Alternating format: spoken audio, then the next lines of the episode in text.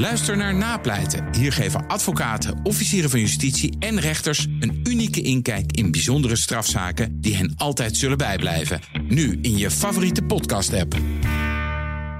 Blijf scherp. BNR Nieuwsradio. BNR breekt. Ivan Verrips. Goedemorgen en welkom bij BNR Breekt. Vanaf half twaalf praat ik over het nieuws van de dag. Over Shell dat zich terugtrekt uit Rusland vanwege de inval in Oekraïne. En daarmee het voorbeeld van BP volgt. En vakantie naar Japan, Korea of China. Nou, trek de portemonnee maar. Want als je naar Noord- Noordoost-Azië gaat vliegen... dan ga je fors meer betalen. Ga ik bespreken met mijn panelleden. Te weten vandaag Piet Rietman, econoom bij het economisch bureau van ABN AMRO. Goedemorgen. Goedemorgen. En Werner Schouten, co-host van BNR Koplopers... voormalig voorzitter van de Jonge Klimaatbeweging. Goedemorgen. Goedemorgen. Ja, daar is de microfoon. Je hebt hem gevonden, heel fijn. We gaan beginnen met... BNR breekt. Breekijzer. En het breekijzer heeft te maken met... They belong to us, they are one of us, and we want them in. Ja, Oekraïne moet op termijn lid worden van de EU. Dat zei Ursula von der Leyen, voorzitter van de Europese Commissie... zondag tegen Euronews. En er zijn meer landen die dat vinden. Polen, Bulgarije, Tsjechië, Slowakije, Slovenië en de Baltische Staten. Die zijn ook voor onmiddellijke toetreding... schrijven hun leiders in een open brief. En Oekraïne natuurlijk zelf ook. Na de uitspraken van von der Leyen heeft president Zelensky gelijk... een verzoek ondertekend om lid te worden. Maar is dat nou wel slim om dat te doen op korte termijn... met stoom en kokend water Oekraïne EU-lid maken? En kan het eigenlijk wel? Ons breekijzer vandaag is... Oekraïne moet niet hals over kop lid van de EU worden. Ik ben heel benieuwd wat jij daarvan vindt. Wil je reageren? Ben je het eens of oneens? En waarom? 020 468 4x0 is ons telefoonnummer. 020 468 4x0. Ehm, wil je niet bellen, maar wel stemmen? Doe het dan via de stories van BNR Nieuwsradio op Instagram. Aan het einde van dit half uur krijg je dan een tussenstandje van me. Ehm, maar bellen mag dus ook 020 468 4x0. Zometeen hoor je hoe mijn panelleden erover denken. Maar ik begin bij Wouter Zweers. Hij is onderzoeker bij het instituut Klingendaal... op het eh, gebied van EU-uitbreiding. Dus die weet hier toevallig alles van. Goedemorgen, Wouter. Goedemorgen. Nou, even afgezien van of het kan. Maar eh, allereerst eh, ons breekijzer, onze stelling. Oekraïne moet niet hals over kop lid van de EU worden. Wat vind jij? Ja, ik ben het eigenlijk wel eens met de stelling. Ik denk dat ehm, Oekraïne echt een volledige humanitaire, diplomatieke en ook militaire steun verdient van de EU, zoals we ook in de afgelopen dagen hebben gezien. Eh, maar directe toetreding lijkt me om meerdere redenen geen goed idee. Normaal is het toetredingsproces echt een, een heel lang en secuur proces... waarin een land heel veel hervormingen moet doorvoeren... eh, om het functioneren van de democratie te verzekeren bijvoorbeeld... om de economie te hervormen. En dat heb je echt nodig om ervoor te zorgen dat de EU goed eh, blijft functioneren. Uh, neem niet weg dat um, we Oekraïne geen uh, perspectief op de langere termijn kunnen bieden. Mm -hmm. Oké, okay, en uh, dus eigenlijk is het ook helemaal niet nodig volgens jou dat zij vandaag of morgen of volgende week of volgende maand lid worden van de EU. Nou, in zekere zin zou het natuurlijk een, een politiek signaal zijn. Het zou echt wel een signaal zijn. Um, uh, een politiek signaal. Oké, okay, uh, wij zijn er voor Oekraïne. Ze, zoals Ursula von der Leyen zijn. Um, ze zijn één van ons. Nou, dat signaal dat is een, zou een goed signaal kunnen zijn om zijn hart onder de riem te steken. Maar we moeten niet vergeten, denk ik, dat er uh, een zestal landen op de westelijke Balkan is. Um, wat al jaren bezig is met het verkrijgen van het EU-lidmaatschap. Soms al bijna twintig jaar. En uh, ja, je moet je ook afvragen hoe zo'n signaal dan daar aankomt. Ja, want er zijn inderdaad kandidaatleden en ook uh, leden die potentieel kandidaatleden zijn. Maar daar staat uh, Oekraïne niet tussen. Klopt. Nee, tot nu toe heeft de EU eigenlijk een soort scheiding aangehouden tussen de landen ten oosten van de EU en de landen ten zuidoosten van de EU. En in het zuidoosten, de westelijke Balkanregio, dat zijn landen die uh, of al aan het onderhandelen zijn over EU-toetreding. Um, dat zijn Servië en Montenegro. Of uh, kandidaatstatus hebben. En uh, uh, ja, waarschijnlijk binnenkort kunnen beginnen met onderhandelen. Albanië en Noord-Macedonië. Of die inderdaad dus potentieel kandidaat zijn. Bosnië en Herzegovina en Kosovo. Ja. Um, het land ten oosten, waaronder Oekraïne, hebben nog geen perspectief gekregen. En dat ja, is enigszins een kunstmatige scheidslijn. Want volgens Europese verdragen mag elk land dat in Europa ligt, op het mm -hmm. continent Europa, mag in principe lid worden van de EU. Ja, het zou dus wel typisch zijn als je opeens uh, bij wijze van spreken morgen Oekraïne lid maakt. Blijf even bij me, dan gaan we zo meteen uh, nog daar wat dieper op in. Doe kort yes. een rondje panel en dan gaan we ook naar onze bellers. Ons breekijzer vandaag. Oekraïne moet niet hals over kop lid worden van de EU. Uh, wil je reageren, pak je telefoon, bel naar 020 468 4x0. Piet, wat vind jij? Nou, inderdaad, zoals net gezegd is, uh, politiek gezien kan het misschien een goed of een, of een slecht signaal zijn. Dus het, het, het goede signaal is, jullie horen erbij en je schikt daar Poetin mee af voor uh, nou ja, toekomstige agressie naar andere potentiële lidstaten. Dus, dus misschien is het geopolitiek slim. Is politiek ook wel weer een, een, raar signaal richting die Balkanlanden. Maar goed, de economische kant van de zaak, dat is dan een beetje uh, mijn ding. Uh, ja, dat is toch ook dat die criteria waarop landen worden getoetst, die worden toegelaten. De criteria van Kopenhagen, daar zitten ook een, een, een aantal stevige economische criteria in.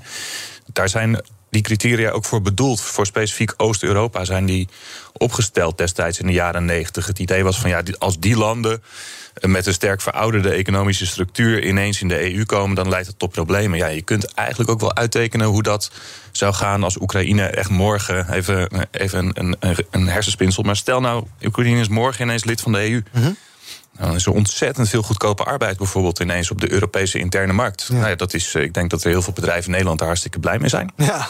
Um, lossen we meteen een paar uh, problemen genoeg, met uh, ja. ja. personeelstekorten. Lossen we meteen op. Uh, maar goed, je, wat betekent nadelen dat? aan het opnoemen, toch? Of, wat betekent dit voor bedrijven in de Oekraïne? Dat is natuurlijk ja. de grote vraag als je de Oekraïnse economie overhaast integreert met de Europese economie. En ik weet, jij bent geen Oekraïne-expert, maar een van die criteria van Kopenhagen is dat het een functionerende markteconomie moet hebben, die bestand is tegen de concurrentie van de interne markt. Juist. Is dat nu het geval voor Oekraïne? Ja, Nee, nee. Uh, dus, dus een functionerende markteconomie houdt bijvoorbeeld ook in dat je. Um, nou, het, uh, het, het, houdt in de eerste plaats in dat de arbeidsmarkt op orde moet zijn. Dat is waar in het verleden naar is gekeken als landen werden getoetst op die criteria. Nou ja, de, de, de Oekraïnse arbeidsmarkt en die van Europa, dat lijkt totaal niet op elkaar. Daar zijn we dus nog lang niet, Werner. Ja, het is denk ik een beetje een feest van eensgezindheid in deze studio. Ja, ik, ben eens. het, ik ben het ook eens met, hm? met deze stelling. Ik vind dat we Oekraïne ontzettend goed moeten steunen met humanitaire hulp, met geld, met misschien ook wel uh, militaire middelen. Um, maar de EU, dat is een, een project dat je aangaat voor tientallen jaren. Uh, dat kan je niet in één keer met stoom en kokend water even, even afronden. Daarnaast zijn er heel veel voorwaarden. Je moet wetgeving op elkaar afstemmen. Er is nog ook vrij veel corruptie in Oekraïne wat aangepakt moet worden. Daar heeft de EU afgelopen jaren veel in geïnvesteerd, maar met onvoldoende resultaat. Dus heel veel steun geven is goed.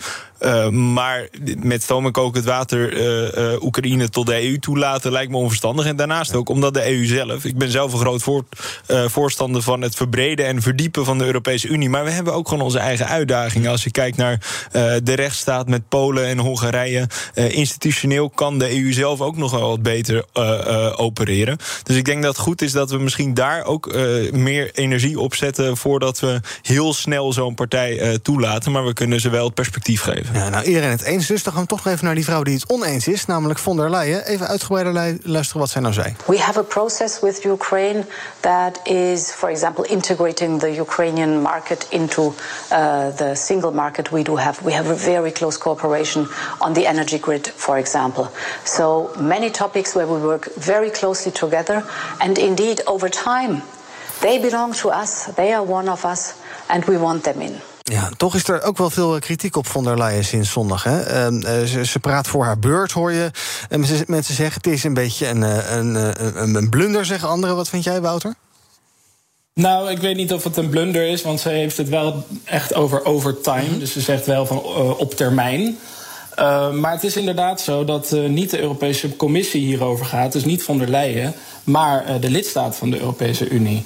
En ehm, nou, daar zijn er een aantal die tot voor de Russische invasie in Oekraïne echt niet op voor dat lidmaatschapsperspectief waren. En je ziet dus ook dat bijvoorbeeld Frankrijk en Duitsland ook al toch wat koeltjes hebben gereageerd. Ik vermoed dat, en dat hebben we ook gisteren gehoord in het debat van onze premier Rutte, -hmm. dat hij ook zegt: ja, dit leidt eigenlijk af van waar het nu echt om zou moeten gaan. Dit moeten we op termijn bekijken. Um, dus het is niet zo dat wat zij zei, dat, uh, dat alle lidstaten daar zomaar achter staan. Nee. Ons breekijzer dus. Oekraïne moet niet hals over kop lid worden van de EU. We gaan naar de bellers. Wil je ook meepraten? 020 468 4 keer 0 Ik uh, vrees ook veel eensgezindheid bij de bellers. Even kijken wie het langst aan de telefoon hangt. Want die geef ik meestal het eerste de beurt. En dat is meneer Hogeboezem. Goedemorgen. Ja, goedemorgen. Ik, uh, um, ik ben dus voor de stelling dat de Oekraïne niet in de Europese Unie komt. Waarom niet? En ik hoorde, ik hoorde gisteren meneer Seymour, die kandidaat in Frankrijk.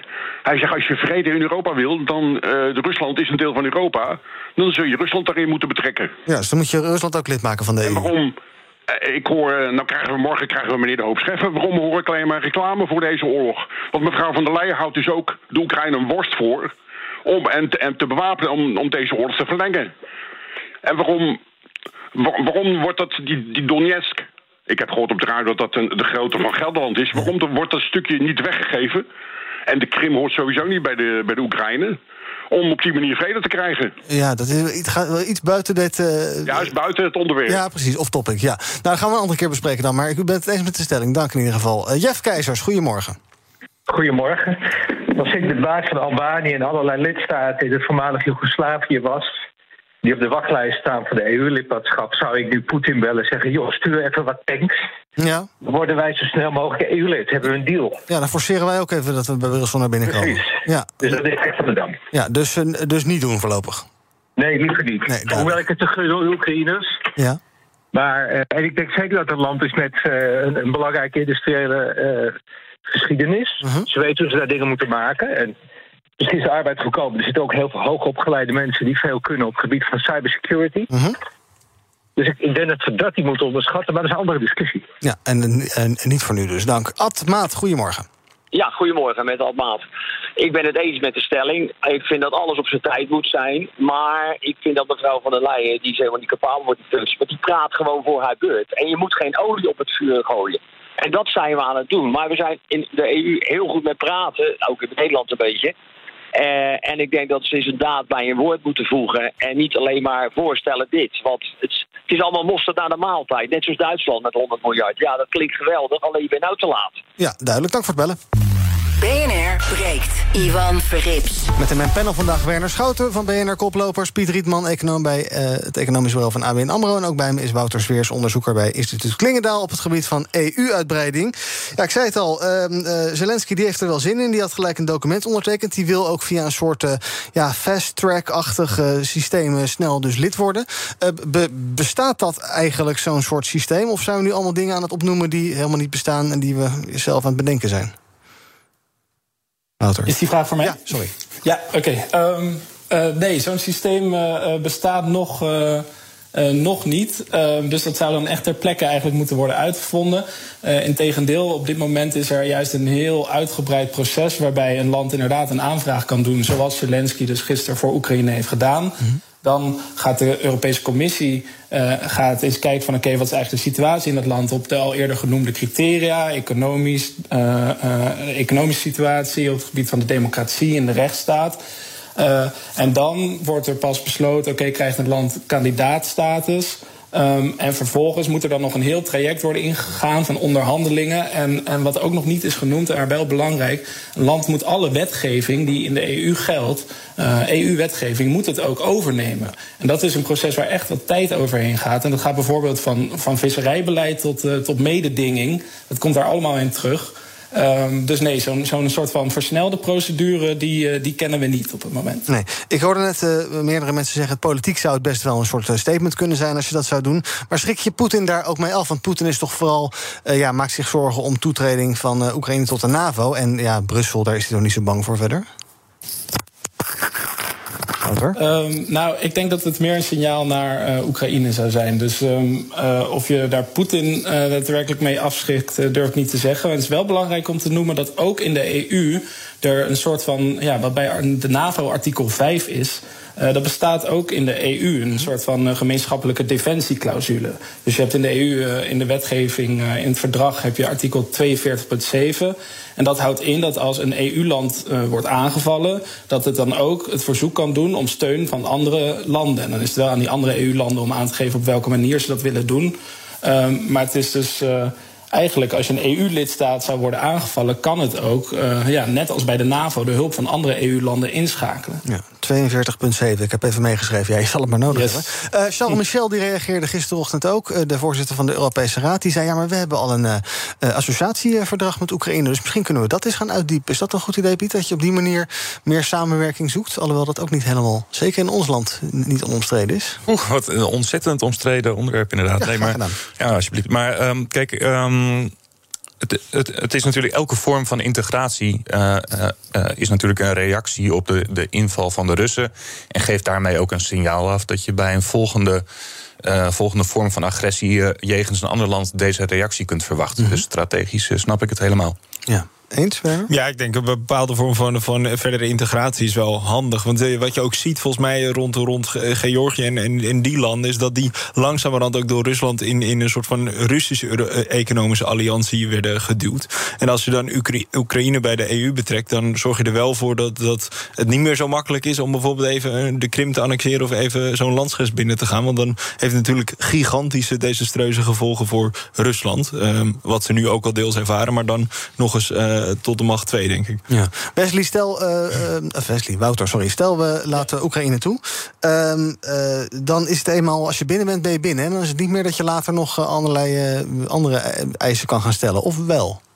Uh, dat is wat lastig. Het is wel gebeurd in het geval van Roemenië en Bulgarije. Want toen die lid werden in uh, 2007, toen uh, is er gezegd: oké, we gaan nog wel bij jullie de komende jaren de rechtsstaat uh, goed monitoren. Om te zorgen dat dat ook echt op peil blijft. Dus dat de democratie goed blijft functioneren. Dat er goede onafhankelijkheid van de rechterlijke macht blijft bestaan. En, en dat, is, dat is toen nog een hele tijd doorgegaan. En ik geloof bij een van de twee zelfs nog steeds. Um, dus je kan nog wel enigszins monitoren.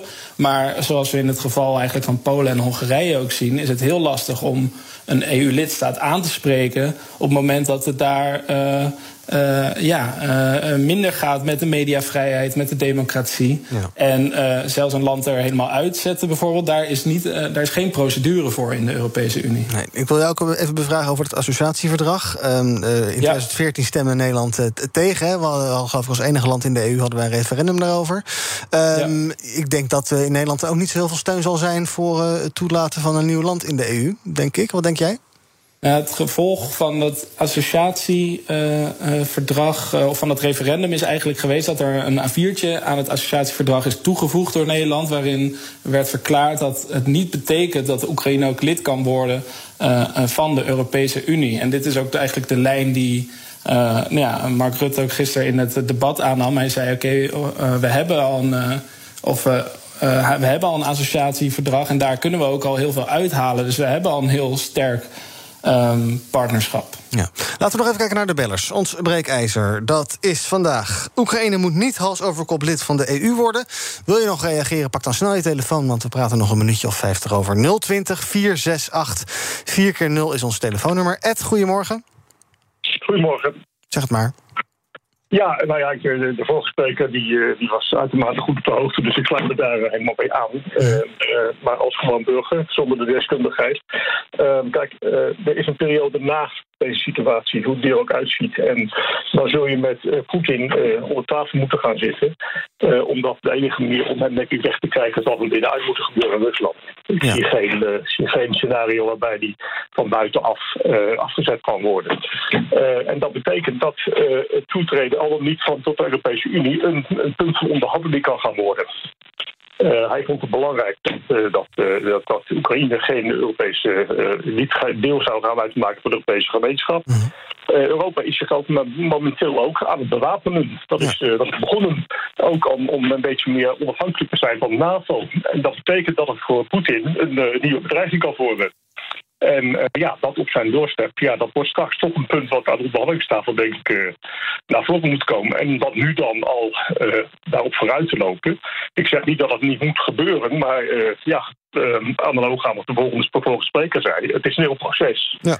En er is geen enkele reden nu om dat proces uh, niet te volgen. Ja, duidelijk. En je gaat een worst voorhouden ook aan Oekraïne als Zelensky die je misschien niet raak kunt maken. Dus uh, ja, ook dat is niet uh, heel bevorderlijk. Dank voor het bellen. Laten we nog even praten over het uh, financiële aspect. Piet, ehm, we weten, ja, als je een rijk land bent, dan, dan, betaal je meer aan de EU dan als je een arm land bent. Even heel plat gezegd. Oekraïne is een groot land, maar ik heb even zitten kijken. gemiddeld verdienen wij in ons land zo'n 20 keer meer per jaar dan mensen in Oekraïne. dus dat gaat. Oekraïne wordt dan natuurlijk wordt net de ontvanger, neem ik aan. Misschien een beetje op een mierveeltje berekend. is, heeft het land daar voordeel bij? Ik denk het wel. Waarschijnlijk wel. Ja, ik, ik denk dat het uh, wat minder zwart-wit is als het uitrekenen van contributies aan de EU en het ontvangen van subsidies uh, van de EU en dat dan van elkaar aftrekken. En dan ben je een netto betaler, netto ontvanger. Mm want daarnaast is het zo dat er een, een interne markt is in de EU en daar profiteren we allemaal van.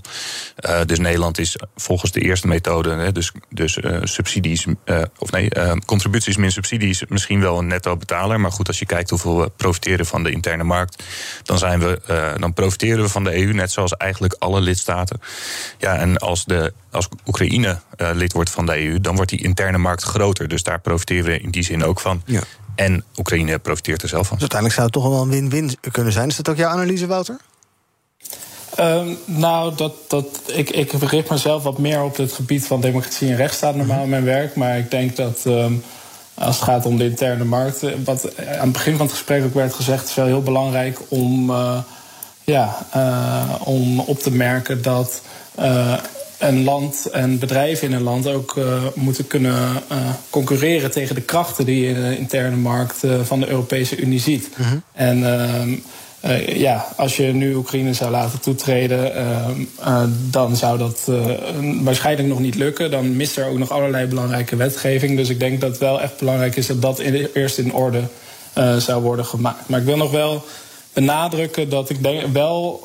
Um, uh, het lijkt me wel goed dat in ieder geval wel dus in binnen de EU meer over dat perspectief voor die landen ten oosten van de Europese Unie ook wordt gepraat. En dat ja. dat niet langer een taboe is. Ik denk ja. dat die discussie wel gevoerd moet worden. Maar dan heb je het niet over de korte termijn. Want welke landen hebben dan nog meer kanshebbers?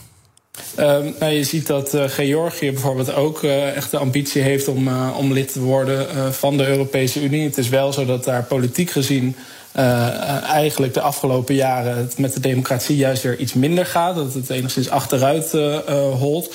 formeel heeft het land nog altijd het doel om lid te worden van de EU. En bijvoorbeeld in Moldavië, wat eigenlijk tussen Oekraïne en Roemenië ligt, ligt ingeklemd.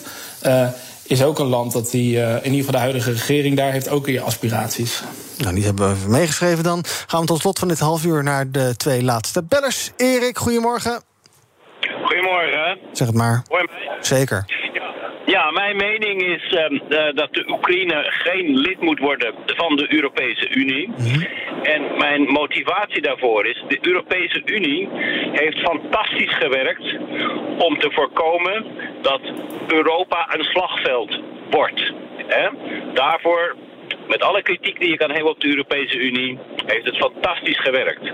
Maar de Europese Unie is geen middel om een oorlog te bestrijden. Mm. En die is daar nu gaande. Dus daarom geen lid worden. Nee, dus in een tijd van oorlog moet je dat sowieso niet willen. Dank. Bas, tot slot, goedemorgen.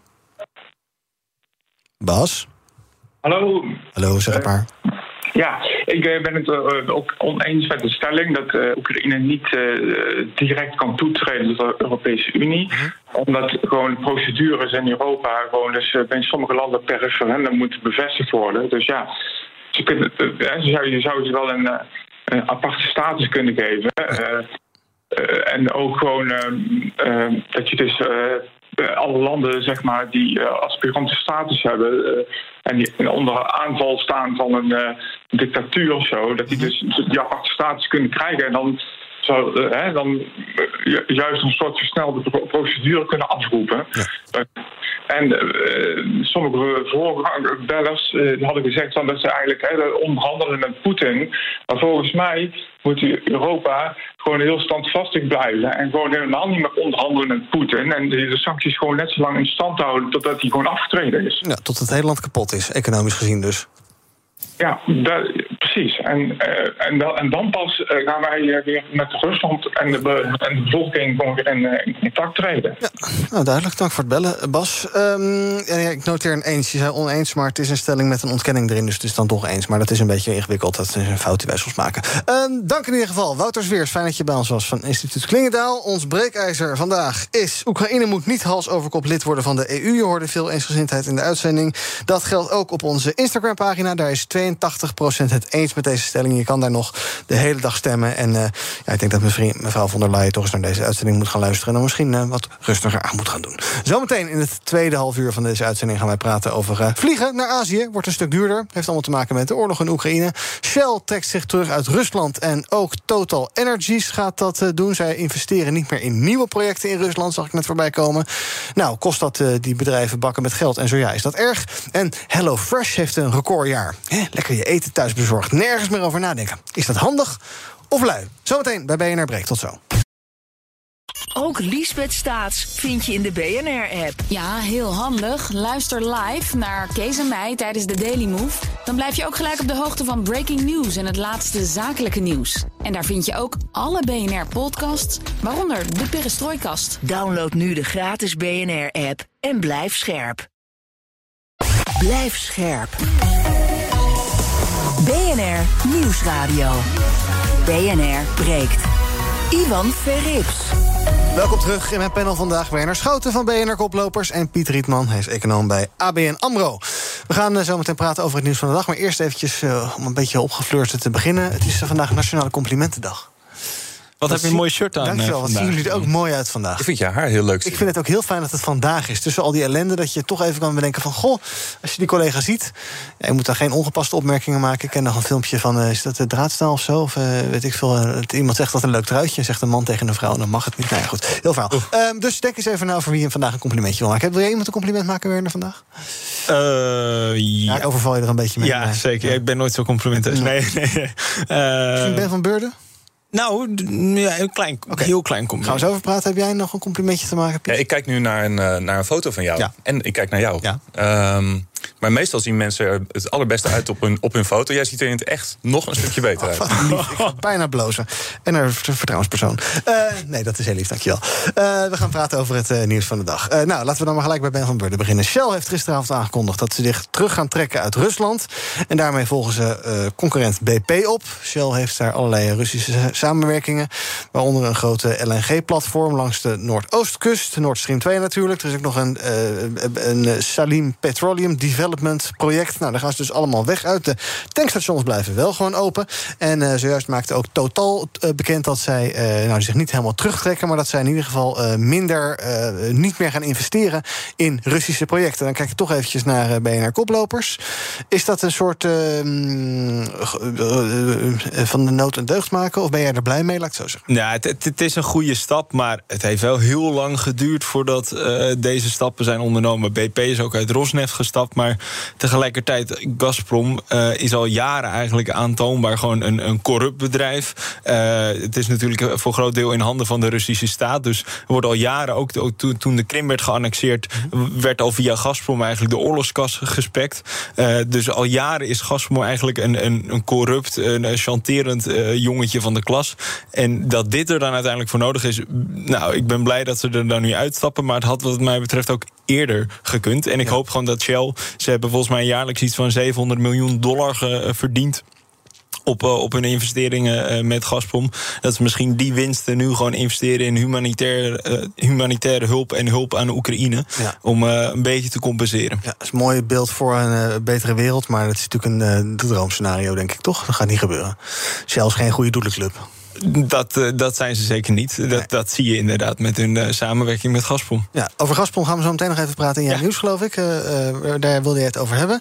Eh, Piet, eh, grote stap. Gaat Shell ook veel geld kosten? Ik zag geloof ik bij BP dat eh, toen zij dat bekend hadden gemaakt... dat ze op de beur- beurs in Londen eh, nou ja, onderuit gingen, 8% of iets dergelijks. Dus dat kostte vele miljarden. Ehm, maar ja, wel een goede stap. Ja, om deze ehm, keuze te maken. Ik weet niet wat, eh, wat die stap dan motiveert. Eh, misschien kost het ze wel veel meer als ze die stap niet nemen.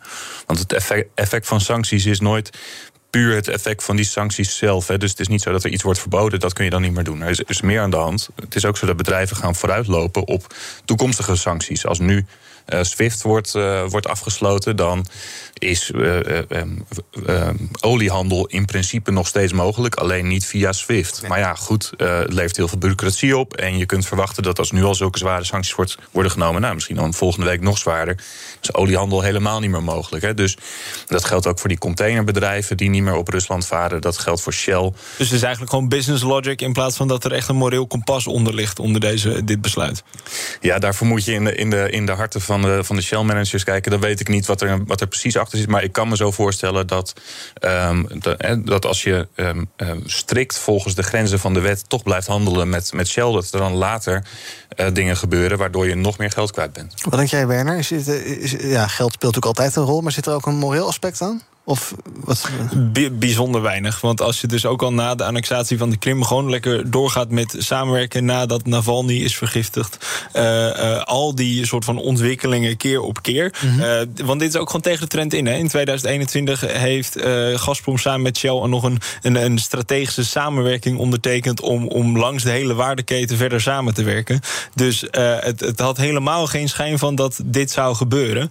Ehm, dus dit is denk ik gewoon echt een, een snelle reactie op een noodsituatie. Ja. En daarmee, kijk, ik denk dat we wel breder moeten kijken naar een soort van de, de harm die Shell heeft gecreëerd met uh, die samenwerking met Gazprom. Want Shell is altijd grote invloedrijke speler in Nederland geweest. En door samen te werken met Gazprom legitimeer je die partij ook in Nederland. Mm -hmm. en, en is het dus met minder weerstand gegaan dat we zo dominant op dat Russische gas hebben uh, gezeten. Dus ook in Nederland betalen wij nu een prijs van het feit dat Shell en ook de Nederlandse overheid zo welwillend heeft overgestaan opengestaan voor Gazprom. Ja, voor Shell is het, uh, misschien, nou ja, zal het vast voor op de korte termijn geld kosten. Maar aan de andere kant, ja, die projecten liggen dan niet opeens stil. Daar stapt vast iemand an, anders in met minder uh, ethische. Nou, je moet wel, en dat is ook een argument geweest in die, die het milieudefensie tegen Shell-zaak. Shell is bijzonder goed in het winnen van moeilijk winbaar gas en mm -hmm. aardolie. Die zijn daar ontzettend vernuftig in. Is een complimentje op Complimentendag voor Shell? Ja, dat, nou, dat is weer een complimentje ja? voor Shell. Het gebeurt me zelden dat ik twee complimenten voor Shell geef. Uh, maar die zijn daar bijzonder goed in. En als ze dan wegtrekken en misschien ook hun technologie en hun kennis meegeven, dan kan het zomaar zijn dat het een stuk moeilijker wordt om die moeilijk winbare putten ook uh, rendabel te maken. Is het goed, Piet, dat bedrijven dit, uh, zich mengen op deze manier in die oorlog? Je noemde zelf al uh, uh, de Maersk en dergelijke die nu zeggen... nou, wij, wij gaan daar niet meer op varen. Um, is dat goed? Dat is hartstikke goed. En dat is, ik denk, in de eerste plaats gewoon een effect van de sancties. En ja, we, we, zullen zien wat er, wat er nog meer gaat komen. En ja, je moet er denk ik ook op inspelen. Dus, dus bedrijven die zijn redelijk proactief. Die, die doen geen handel meer met Rusland. Ook al zou misschien volgens die sancties nog net mogen. Nou ja, dat betekent dus ook dat um, de olie en gas dat we uit Rusland importeren bijvoorbeeld duurder wordt. Ja. Dus het is ook wel het gouden moment om nog meer te investeren in hernieuwbare energie. Dus um, uh, ja, en dat is een beetje wat ik, wat ik nu mis. Dus we zijn alleen maar uh, economisch uh, Rusland aan het straffen. En we zijn niet aan het kijken naar welke kansen daar voor onszelf nog aan vastzitten. Ja, en jij denkt dus wel dat deze beslissingen vooral met um, de portemonnee worden genomen, niet zozeer met het hart. Nou, het, het, zou denk ik een hele goede beslissing met de portemonnee zijn als we parallel aan de sancties en bedrijven die zich terugtrekken nog meer investeren in duurzame energie. Want op die manier worden we nog minder afhankelijk van Russisch gas. Dat treft Rusland nog meer en is op de lange termijn goed voor onszelf, puur financieel. Laten we nog even kijken naar ander nieuws van BNR van deze ochtend. Vliegtickets naar veel Aziatische bestemmingen worden flink duurder. Dat komt door de sluiting van het Russische luchtruim. Vluchten moeten daardoor uh, omvliegen en dat zorgt voor meer kosten. En die worden uiteraard doorberekend aan u en aan mij. Luchtvaarteconoom Rogier Lieshout vertelt waar die kosten vooral vandaan komen. Het extra brandstofverbruik, personeel natuurlijk dat je langer moet doorbetalen, extra onderhoudskosten aan je vliegtuigen. Dus dat, uh, ja, dat, dat leidt tot extra, extra kosten. Ja, dan gaat je vakantie, Piet. Ik, ik zou niet met het vliegtuig op vakantie gaan oh. dit jaar, had ik bedacht. Dus nee, helemaal niet. Dan gaat je vakantie niet, dat is ook fijn. Niet ruimt ook op Piet. Um, wel uh, uh, zuur voor uh, ja, mensen die gaan... Dit is een van die dingen waarin we het dus gaan merken, deze sancties. Ook gewoon wij met z'n allen. Ja, we gaan het op allerlei manieren ja. merken. We gaan het volgens mij aan onze energierekening merken, die al hoog is. Dat is ook een langdurig effect waarschijnlijk. Want dan staat je tarief voor 2022 bijvoorbeeld al vast. Dus mensen gaan bijvoorbeeld die sancties voelen bij een energie afrekening in 2023. Ja. Dus er zijn allerlei effecten die we nog niet helemaal kunnen uitrekenen en voorspellen. Ja. En ja, dit is er ook een. Waar nog meer? Uh, vermoed jij dat we dit gaan terugzien? Ja, we moeten eens goed kijken wat we allemaal uh, importeren natuurlijk. Um, iets anders behalve dat je gas en olie is bijvoorbeeld um, uh, graan En uh, dan denk je van, nou ja, 50, uh, uh, of wat was het, 20 miljard aan graan uit de Oekraïne, dat klinkt niet als veel. Maar het betekent ook dat de graanprijs, specifiek mais is het, in heel de wereld omhoog gaat. Dus we voelen het ook gewoon in, onze, in ons boodschappenmandje. Ja, wel lullig, Werner. Want ja, oorlog is natuurlijk nooit leuk. maar burgers daar lijden eronder. Burgers in Rusland lijden eronder. Burgers hier lijden eronder. Ja. Omdat Poetin een land wil hebben. Ja, dat, dat is natuurlijk wel lullig. Maar ik, we hebben het over die, die, die hoge ticketprijs. Dat is van de redactie van BNR gekomen. En ik zit zo even over de redactie te kijken... hoeveel, hoeveel struisvogels er rondlopen. Want we hebben zo grote vraagstukken. Een half miljoen Oekraïners op de vlucht. Gisteren kwam het IPCC met een uh, rapport over... hoe dramatisch de opwarming van de aarde wel niet gaan zijn. Dan lijkt mij de verhoging van ticketprijzen naar Oost-Azië... voor vliegtickets wel de least of our concerns uh, op dit moment. Dus vlieg, vlieg je maar een jaartje niet, of twee, of drie. Inderdaad. Ook Thomas van Zeil vind je in de BNR-app. Je kunt live naar mij luisteren in Zaken doen. De BNR-app met breaking news, het laatste zakelijke nieuws... en je vindt er alle BNR-podcasts, bijvoorbeeld Het Nieuwe Geld. Download nu de gratis BNR-app en blijf scherp. BNR Break. Op met de fiets, nog beter. We gaan kijken naar uh, eigen nieuws, wat jullie opviel in het nieuws. Piet, waar wil jij het over hebben? De verhoging van het defensiebudget naar, het, naar de NAVO-norm van 2% Ja. Uh, huidige kabinet wil het al naar 1,8. En dan zeggen nu allerlei partijen van links tot rechts in de Tweede Kamer moet naar 2% En dat klinkt als een goed idee. Dat is het volgens mij ook wel. Um, maar ik vind het wel jammer dat dat het eerste is waar je aan denkt. Dus als, ook alweer. Ja, toch? De, als je meer geld wil investeren in reactie op de Oekraïne-crisis, waarom is dan het eerste waar je aan denkt het verhogen van het defensiebudget en niet naar um, um, de reden dat wij stapsgewijs hierin zijn gerommeld en nooit echt weerstand hebben geboden aan Rusland, is natuurlijk de afhankelijkheid -hmm. van Russisch gas. Dus het komt allemaal een beetje laat. En he, dat, dat, dat Duitsland nu pas zegt: uh, Nord Stream 2 gaan, wij, uh, gaan we toch niet doen. Ja, dat, dat, is, dat is vergelijkbaar. Eigenlijk is heel Europa laat met het afbouwen van Russisch gas. En als je dan toch bereid bent en kennelijk ook in staat bent om extra geld uit te trekken, trek dan nu vooral extra geld uit om nog sneller van het gas af te gaan. Ja, dit sluit ook wel aardig aan bij het verhaal van Werner zometeen, denk ik. Um, maar uh, uh, ja, er moet toch altijd iets ontploffen in dit land voordat we iets gaan doen. En tot die tijd zeggen we wel van ja, we moeten gaan verduurzamen en dergelijke. Maar ja, zolang het niet nodig is, zolang de steden niet onder water staan, gaan we dat toch niet heel actief doen. Ja, jammer, toch? Ja? Uh, zowel qua buitenlandbeleid als qua klimaat valt. Ja, ik ben buitengewoon op, opportunistisch altijd. Ja. ja, als je naar de experts op die gebieden luistert, dan valt mij toch altijd op dat die best wel een lange termijnvisie hebben. Uh, en de, Klingendaal uh, heeft het al, al heel lang over, over Russisch gas en hoe we onze afhankelijkheid moeten afbouwen. Hetzelfde geldt voor klimaat. Ja, we, we luisteren niet genoeg misschien naar experts met een lange termijnvisie. Nee. en dus zeg jij, maar je zegt ook niet van nou, doe het maar niet. Je zegt het is prima om naar die 2% te gaan. Ja, of doe het allebei Ja. Um, maar, maar het is jammer dat als eerste, uh, dat als er meer geld uitgegeven moet worden in reactie op de crisis, mm -hmm. dat eerst bij je opkomt verhogen van defensiebudget en niet de oorzaak van de crisis, namelijk afhankelijkheid van Russisch gas. Ja, want als we dat, uh, het geld daarin zouden steken, dan is dat uh, defensiebudget ook niet meer nodig. Nou, dan, hè, dan hadden we in ieder geval een, een, decennium achter de rug waarin we niet uh, die afhankelijkheid van Russisch gas van invloed lieten zijn op onze geopolitieke en strategische beslissingen. Over gas gesproken, Werner. Ja, nou, uh, afgelopen week uh, ben ik samen met onder andere Marjan Minnesma en Michel Scholte de petitie Stop Gazprom uh, gestart. Die is inmiddels 72.000 keer ondertekend. Want we kwamen er namelijk achter dat meer dan 120 gemeenten en meer dan de helft van de waterschappen gas afnemen bij Gazprom. En zo stromen er jaarlijks tientallen miljoenen euro's publiek geld uh, via Gazprom naar de Russische oorlogskas. Dat moet tot een einde komen. Nu zijn heel veel gemeenten en waterschappen aan de slag gegaan. Gemeente Utrecht, Nijmegen, uh, Apeldoorn, uh, Den Haag zijn allemaal gestart om te kijken hoe kunnen we nou die contracten verbreken. Ook de Unie van Waterschappen.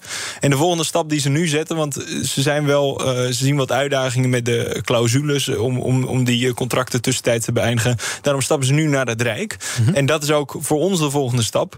Uh, we moeten. Uh, Gazprom eigenlijk onderdeel maken van het sanctiepakket. Zodat allereerst ervoor gezorgd kan worden dat die gemeentes en, en, en um, de waterschappen zonder enige boete eigenlijk gewoon hun, hun contract kunnen opzeggen. Daarnaast moet Energiebeheer Nederland, dat is gewoon een Nederlands staatsbedrijf, die werkt samen met Gazprom aan de winning van ons gas op het Nederlands deel van de Noordzee. En daar verdient Gazprom dus geld aan. Nou, dat kan natuurlijk niet. Daar moet ook een einde toe komen. En tenslotte zijn nog heel veel BV'tjes op de Zuidas van Gazprom, tientallen, waardoor 120 miljard euro jaarlijks met heel weinig belasting naar Rusland stroomt. Ja. Dat zijn eigenlijk drie uh, grote stromen van geld via Nederland naar Rusland. Waar de politiek nu eigenlijk korte metten mee moet maken. En gewoon met de botte bijl dat stuk voor stuk moet uitroeien. Stort het jou al langer? Of is dit iets wat uh, wederom her, nog heropleving krijgt door wat er sinds afgelopen donderdag Nou, sinds 2012 zijn ze onderdeel van het energiesysteem. Mm-hmm. En door gewoon een prijzenoorlog aan te gaan, zijn ze ontzettend dominant geworden. En ja, wat ik eerder ook al zei een investering in Gazprom is nooit een goed idee geweest. Als je kijkt naar hoe ze de Russische kas pekken uh, en hoe vervuilend ze zijn. Uh, die moet je voorstellen, die gaspijpleidingen van Gazprom zijn zo lek als een mandje. Ze zijn wereldkampioen afvakkelen. Dus vanuit klimaatperspectief, afvakkelen is zeg maar het verbranden van gas bij de winning van, van gas en olie. dus ze zijn ontzettend vervuilend. Dus vanuit klimaatperspectief ben ik er nooit fan van geweest. En daarom is het belangrijk dat we ervoor zorgen dat Gazprom geen enkele rol meer speelt in het Nederlandse energiesysteem. Ik geloof dat er tijdens dit gesprek een paar ondertekeningen bij zijn gekomen. Hoeveel had je er, zei je? 72.000. Nou, zijn er 73,5 bijna. Kijk. Ja, dat schiet op. En uh, je doel is 75 en dan, dan ga je hem aanbieden ergens. Nou, dan gaan we hem zeker aanbieden aan uh, nee. natuurlijk klimaatminister Jette. Ja. Uh, en de volgende stap is inderdaad dat de nationale politiek gemobiliseerd gaat worden... om ervoor te zorgen dat Gazprom zeker in de toekomst... geen enkele aanbesteding meer kan winnen... of geen enkele rol meer kan spelen in ons energiesysteem. Zou je hem ondertekenen, Piet? Ik heb hem ondertekend. Oh, ja. kijk. Waarom? Om precies alle argumenten die je net noemt. Ja, en, en, en met name, kijk, uh, duurzaamheid is één, en, maar afhankelijkheid van Russisch gas is een, is een tweede hele belangrijke politieke en economische factor. Ja. Waarom we dit niet zouden moeten willen. Ja, en als je ook gewoon investeert in Nederlands initiatief, dat is wel eigenlijk raar. Hè? Gemeentes, uh, waterschappen, die komen op voor het publieke belang. Mhm. Die zouden toch ook gewoon in, in Nederlandse partijen als Green Choice of, of Pure Energie of Energiecoöperaties moeten investeren. Om uiteindelijk lokale bedrijvigheid te ondersteunen. Want die investeren ook in alternatieven als warmtepompen, warmtenetten, isolatie. Uh, dat is veel logischer dan dat je je geld laat stromen naar Russische oligarchen. Dus laten we dat uh, voor nu uh, voor altijd doen. We gaan kijken wat er trending is op de socials. Nou ja, ik zei het al, hashtag complimentendag dus. Dat is vandaag. Uh, de rest van Nederland is ook druk bezig met een beetje waardering uitspreken. Is misschien wel leuk op een dag, zeker een dag als vandaag. We zouden het bijna vergeten, maar over uh, twee weken zijn de gemeenteraadsverkiezingen. Sommige mensen hebben de stemwijzer al ingevuld. De gemeente moet de hondenbelasting afschaffen. Nee, niet afschaffen. Houtstook toestaan. Jawel. Ah, nee, zo milieuonvriendelijk. Volgende stap. Heeft de uitslag. Ja, en Siebert van Lien is ook trending. Die werd namelijk opgepakt vanwege de mondkapjesdeal. En die zit ook nog steeds vast zag ik zojuist. Hebben jullie al stemwijzer ingevuld voor de gemeenteraadsverkiezingen? Nee, nog niet eigenlijk. Nou, ik heb het wel gedaan in mijn woonplaats Haarlem. En, Wat kwam eruit? Er stonden, eh, dat vind ik niet zo heel relevant, maar er stonden ook allerlei vragen in... waarbij ik eigenlijk geen idee had. ging het over een wijk waar ik helemaal niet woon... en of daar dan nieuwe huizen moeten worden gebouwd, weet ik veel. dat is altijd ingewikkeld. Ja. Heb jij stemwijzer gedaan? Ja. ja. Het kwam eruit? Uh, dat zeg ik niet. ik probeer het ook gewoon. Nee, oh. ja, maar ze vroegen wel of er dan... Ik woon in Amsterdam, of ja. er dan windmolens bij Eiburg moesten komen. Ja. Oh, daar woont Thomas van Zel. Oh, nou, Die is daar zwaar tegen, geloof ik. Oh, doe, doe, doe maar wel dan. oh, wat nou, toch niet. Oké, okay, uh, maar je weet wel wat je gaat stemmen? Uh, nee, nog, nog, steeds oh, niet. Weet jij wat je gaat stemmen? nee, nog niet. Nou, dat zijn dus twee van de kiezers. Ik zou zeggen, aan de slag met die campagne, want daar zie je ook amper iets van. Tot slot gaan we het nog even hebben over... Ik vind koken niet leuk, het gaat nooit goed. Ik, ik laat water nog aanbranden wat dat betreft. Ja. Ga je de recepten laten zien? Ik doe deze. De concili met rode pesto en feta. Let's cook! Een spotje van HelloFresh, de maaltijdboxenboer. Die produceren flink wat content om hun abonnementen dus te promoten. En dat lukt ook best goed. Het bedrijf boekte afgelopen jaar flinke vooruitgang... in de cijfers althans. Met bijna een miljard maaltijden in 17 landen... had het een uh, omzetgroei van zo'n 60 procent. En dan hebben we het over 7,2 miljoen gebruikers... en een totale omzet van 6 miljard euro. Iemand hier ooit gebruik gemaakt van HelloFresh? Nee. Ja, wel, ja. En nog steeds? Nee, Je bent afgehaakt. Waarom? Ja, omdat ik het gewoon. Ja, je hebt er ook gewoon de, de grote supermarkten met, uh, met gewoon waar je je boodschappen mm -hmm. kunt laten bezorgen, toch? En ik vind dat praktischer, want ja, dan, dan stel je zelf je maaltijden samen. Het concept ja. van HelloFresh is dat ze het helemaal voor je uitdenken. Ja, maar dat is natuurlijk juist ook het fijne ervan. Of vond je dat niet fijn? Hoe... Je wil zelf ook een beetje blijven nadenken. Dat is ja. ook fijn. Is het geen en-en? Dat je een beetje, een beetje zelf nadenken en een beetje. Want het is wel lekker makkelijk. Je hoeft niet meer na te denken over wat je gaat eten. Je krijgt die box thuis gestuurd met troep. En dat maak je dan klaar. En dat is ook allemaal hufterproef op een kaartje geschreven. Ja, ja, en het slimme aan die bedrijven is ook wel, vind ik, dat in een crisis veranderen mensen ook hun gedrag. Hè. Dus het is niet zo dat we ineens allemaal dingen moeten laten thuisbezorgen vanwege de coronacrisis van de afgelopen twee jaar. En mm -hmm. dat je daarna weer helemaal terugschakelt. Maar het is ook zo dat je dat gewend uh, raakt. Ja. Dus investeringen in dit soort bedrijven, ja, die zijn wel heel slim. Ja. Maar ik, vind ook, ik vraag me ook af, je zegt het is lekker gemakkelijk. Dat hoor je ook bij, bij flitsbezorgers ja. en bij andere dingen.